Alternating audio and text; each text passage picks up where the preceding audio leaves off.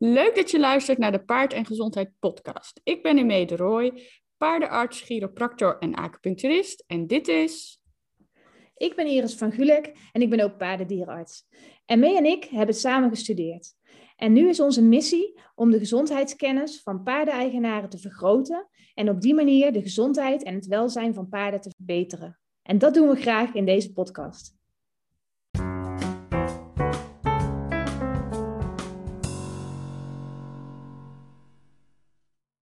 Zo, daar zijn we weer. Ja, lekker vakantie gehad. Ja, zo is het. Jij hebt eigenlijk nog vakantie. Ja, klopt. Ik ben deze week ook nog vrij asociaal, hè? Ja, ik wel een beetje asociaal. Maar ik vond het ook wel grappig dat ik zei, zullen we nog een weekje uitstellen? En dat jij toen zei, nee, we moeten een podcast opnemen. Ja, precies. De mensen wachten op ons. De mensen verwachten weer een podcast. Hoe was je vakantie? Of is je vakantie? Ja, lekker. Ja, ik kan niet anders zeggen.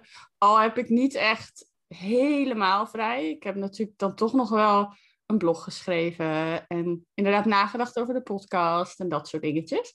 Maar ik heb geen patiënten gezien de afgelopen weken. En heel eerlijk, vind ik dat eigenlijk wel fijn. Misschien moeten we dat niet tegen iedereen vertellen, dat jij dat wel fijn vindt. Nee, maar je hebt dat ook gewoon af en toe even nodig. Ja, zeker weten. Dan kan ik volgende week weer extra hard aan de slag. En dat ga ik ook doen, want de dagen zitten alweer bomvol. Dus uh, het komt goed. Ja, voor je patiënten, dan ben je weer extra scherp en dan ga je extra goed je best doen. Dus iedereen die volgende week geboekt heeft, die krijgt een, uh, een super treatment. Precies, die krijgt een fris en fruitige mee. Nou ja, fris en fruitig. Ik ben half gammel, maar goed, verder.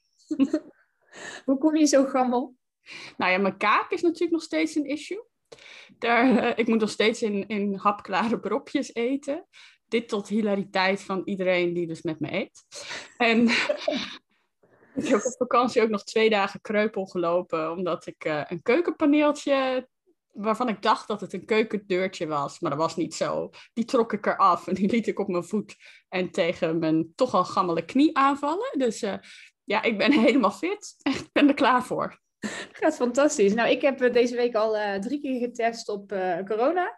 Goed zo. Want ik ben lekker hees, zoals iedereen waarschijnlijk wel hoort. Lekker um, En ik hoest en ik doe, maar ik zal me inhouden in deze podcast. Dus ja, uh, ja wij allemaal een beetje in de lappenmand. En je paard is ook wel eens in de lappenmand. Ja. Dus we gaan het vandaag hebben over boksrust. Als je ja. paard op boksrust moet.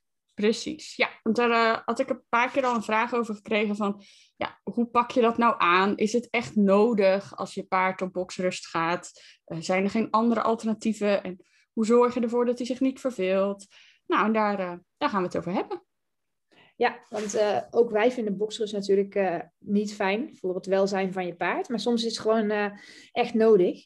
Um, als je als mens uh, iets hebt, dus bijvoorbeeld een uh, paneeltje tegen je knie aan laten vallen, dan kun je wat rustiger aandoen. Dan kun je wat minder op die knie steunen. Ja. Uh, je kunt met krukken lopen.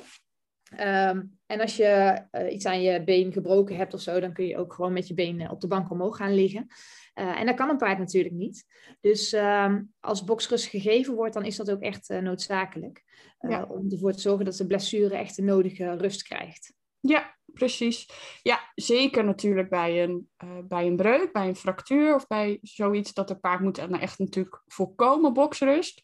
Uh, en bij andere blessures is het ja, wel vaak boksrust in combinatie met gecontroleerde beweging. Bijvoorbeeld bij een peesblessure, uh, dan mag je meestal al wel vrij gauw weer iets gaan doen, een klein beetje stappen. Maar goed, het grootste gedeelte van de dag staan ze natuurlijk dan op de box, op rust.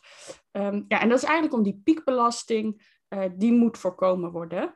En uh, ja, dat is dus eigenlijk waarom we het doen. We doen het dus echt niet om je paard te pesten. We doen het echt om jou en je paard zo snel mogelijk weer op de been te hebben. Ja, zodat hij niet even toch nog een sprintje door de wei trekt. Uh, een keer omdraait als hij gebeten wordt door een vriendje. Dat soort dingen willen we echt ja, ja, voorkomen. Precies. Um, ja. En het is natuurlijk heel belangrijk dat je paard daar niet uh, ja, de hele dag alleen op de box staat. Ja. Um, dus ik denk dat dat ook uh, de eerste en de, misschien wel de grootste tip is. Dat je altijd moet zorgen dat er een paard in de buurt van jouw paard op stal staat. Want anders is hij op stal nog net zo gek als dat hij uh, misschien wel gekker dan dat hij buiten zou zijn. Als, als ja. een vriendjes buiten staan en jouw paard staat alleen in de stal rondjes te draaien draaien en te schreeuwen. Lastig woord, hè? Draaien. Ja, ja. ja. en te schreeuwen, dan wordt het ook niet beter.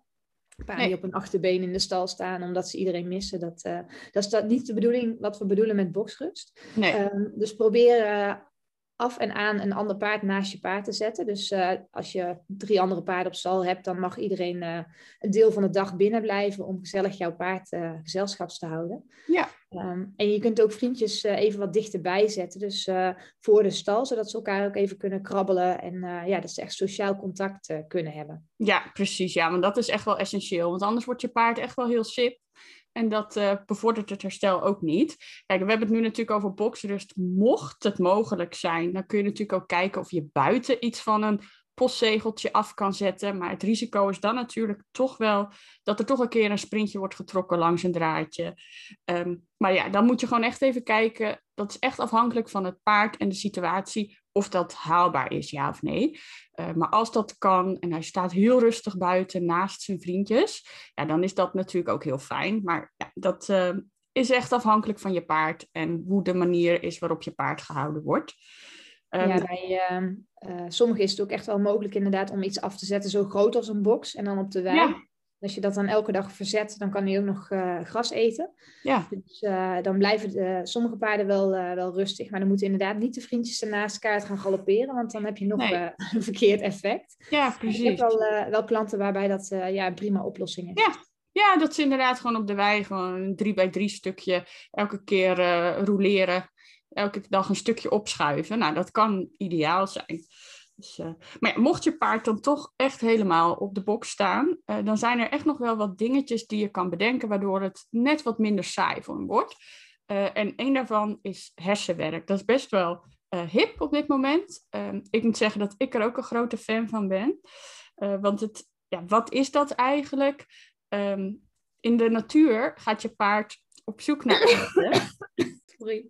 En er hoest even iemand doorheen. Hè? Je was negatief, toch? Negatief ja, ik ben negatief. Ja, nou, gelukkig is het via Zoom. Dus want ik zit ook niet te wachten op een verkoudheid. Maar goed. uh, maar dat is dus eigenlijk uh, wat hersenwerk soort van inhoudt. Nou, dit is misschien een beetje globaal en kort door de bocht. Maar um, de, de, uitdaging zeg maar, van het zoeken naar eten, dat mist eigenlijk een paard in de manier waarop we de meeste paarden nu houden. Um, en je kan dan bijvoorbeeld bedenken. Je kan aan de gang met een snuffelmat waarin je voer uh, verstopt, een doos met brokjes, uh, een kruiwagen vol met ballen en daartussen wat uh, voer verstoppen. En dan kunnen ze dus op zoek naar dat voer. En ja, eigenlijk is dat voor alle paarden heel erg leuk. En ook heel erg nuttig om te doen. Uh, maar zeker voor paarden uh, met boksrust is dit echt wel een, ja, een toffe afwisseling voor die paarden. Dan is het net allemaal wat minder saai en ja, wordt er wat meer voldaan aan hun natuurlijke behoeften. Ja, ze moeten dan wat meer moeite doen inderdaad om een, uh, aan hun voer te komen. Ik vind zo'n eierdoos met een paar ja. brokjes erin ook altijd leuk. Dan moet ik zeggen dat mijn IJslander, die scheurt dan meteen heel die doos aan gort. Dus die kan ik maar, maar één keer gebruiken. Maar die moet dus nog, ik moet meer oefenen, denk ik dan. Ja. Um, dus hij moet oefenen dat hij hem subtiel openmaakt en niet meteen zijn tanden erin zet om zo snel mogelijk bij de snoepjes te komen. Ja, of koop zo'n snuffelmat voor zijn verjaardag. Ja, misschien moet ik dat doen inderdaad. Ik denk dat hij dat wel heel leuk vindt. Wat ik wel eens zie op filmpjes is dat mensen dan zo'n uh, uh, eierdoos doen met uh, plakjes wortel.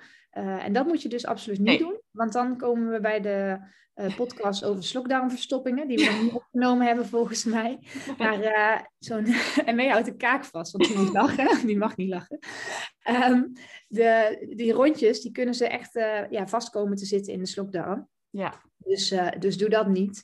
Nee. Um, dat was even de, de tip van Iris van vandaag. De tip van Jip van Iris. Ja, precies.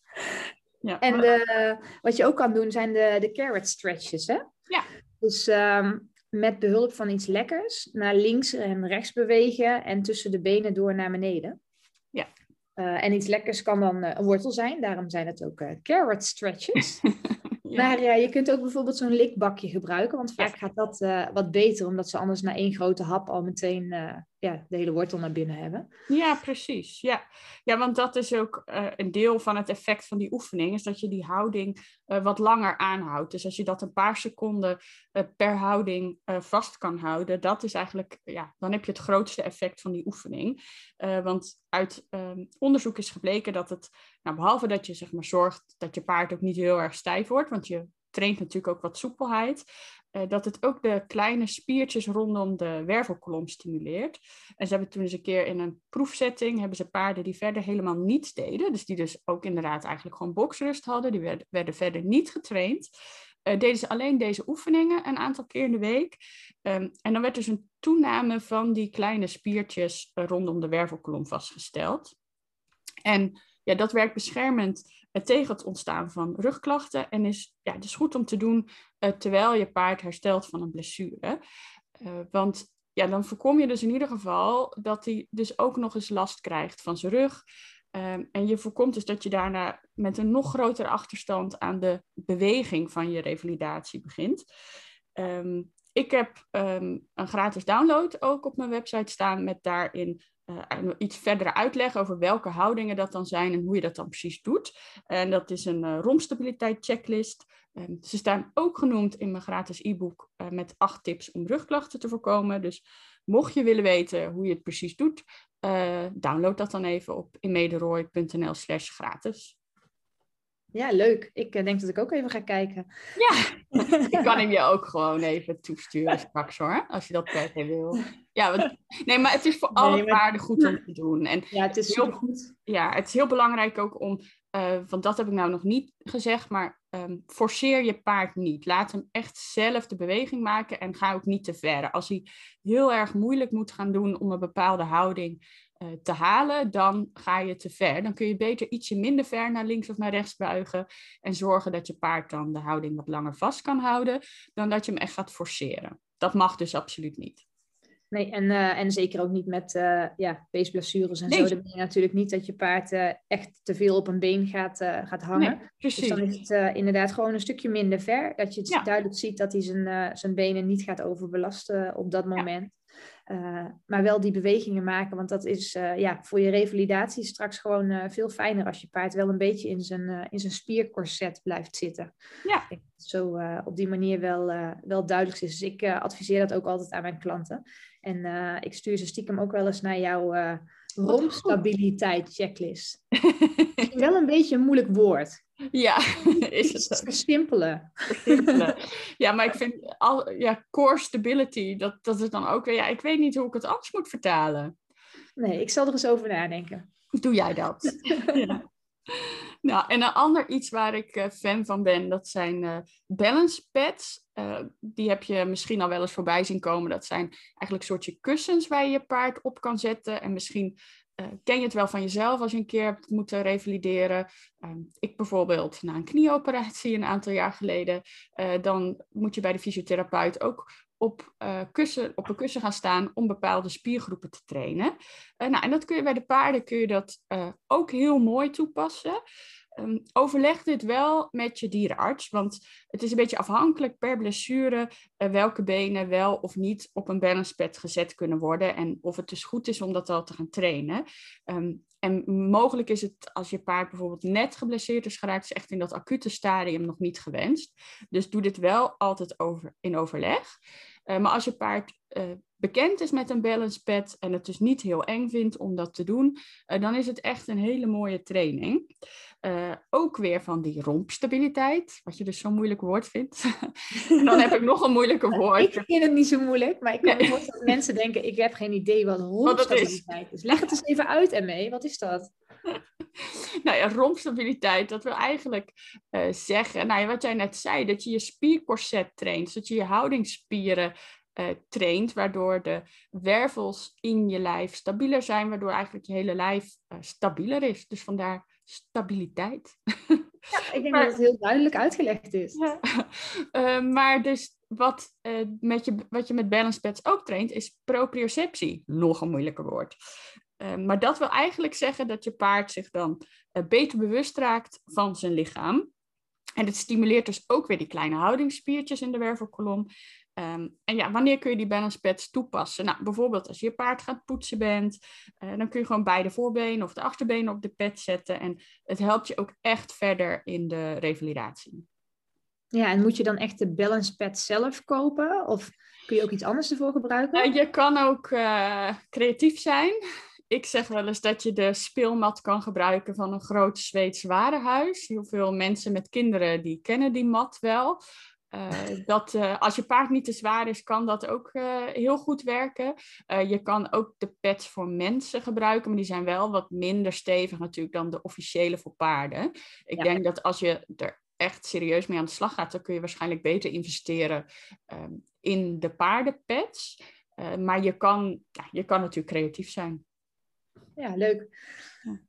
Qua voeding is natuurlijk ook heel belangrijk voor paarden die op boksrust komen. Um, om te beginnen is het super belangrijk om minder te gaan voeren. Want je ja. paard verbruikt veel minder energie. En uh, je wil ook niet dat die uh, tonnetje rond wordt, want hoe meer gewicht ze hebben, uh, hoe meer belasting ook weer op de benen. We gaan er nu even vanuit dat er vaak een, een beenblessure is hè, bij boxers. Kunnen natuurlijk ook grote ja.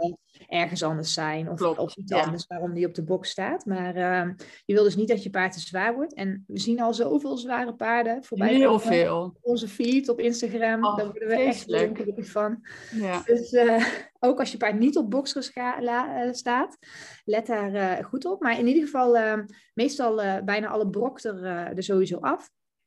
Um, en het is als je ruwvoer geeft, en dat moet je natuurlijk geven, belangrijk om dat meerdere keren per dag te geven.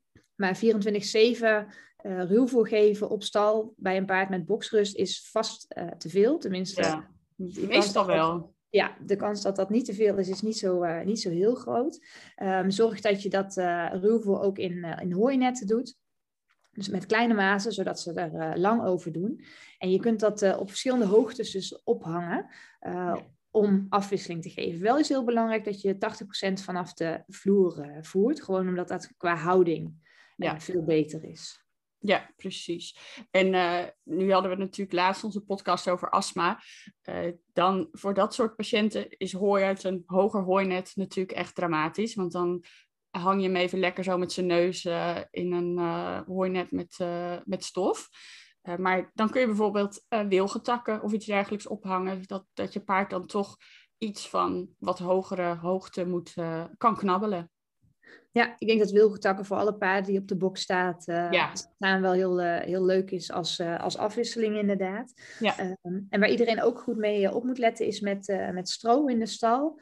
Um, want ik zie heel veel stroverstoppingen bij paarden die op acute boksrust komen te staan. die paarden gaan namelijk één, meer stro eten omdat ze zich vervelen.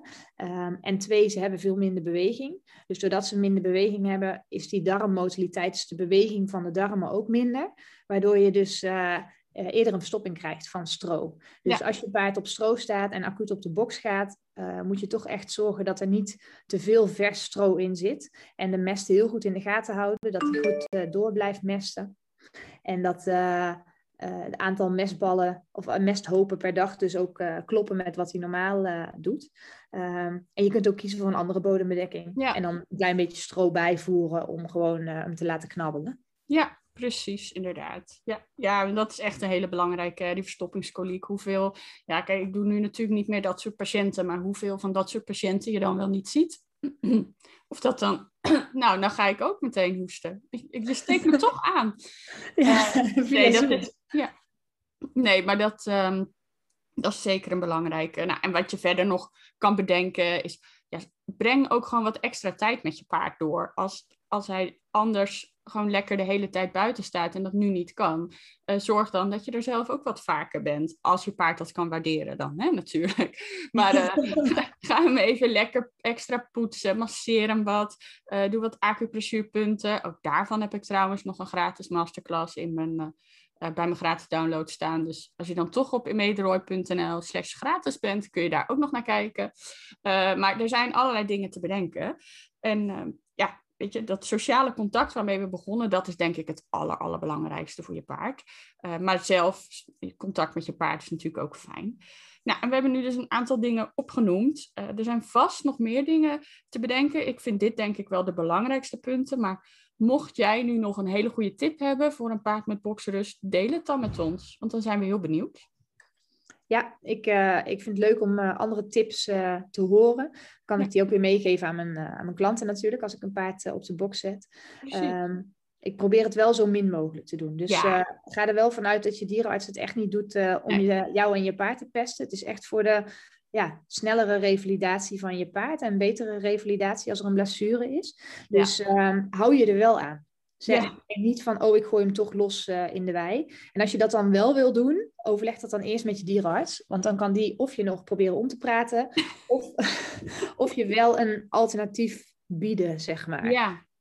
Um, ja, zo simpel is het gewoon. Je moet, uh, ja. het beste voor je paard is het belangrijkste op, uh, op dat moment. Ja, inderdaad. Ja. Dus, nou, ik denk oh. dat we daarmee af kunnen sluiten, toch? Ik denk het ook. Ik denk ja. dat dat uh, weer onze podcast na de vakantie was. Dus ja, ik hoop inderdaad. dat iedereen het uh, heel leuk vond. En uh, ook en nuttig vooral.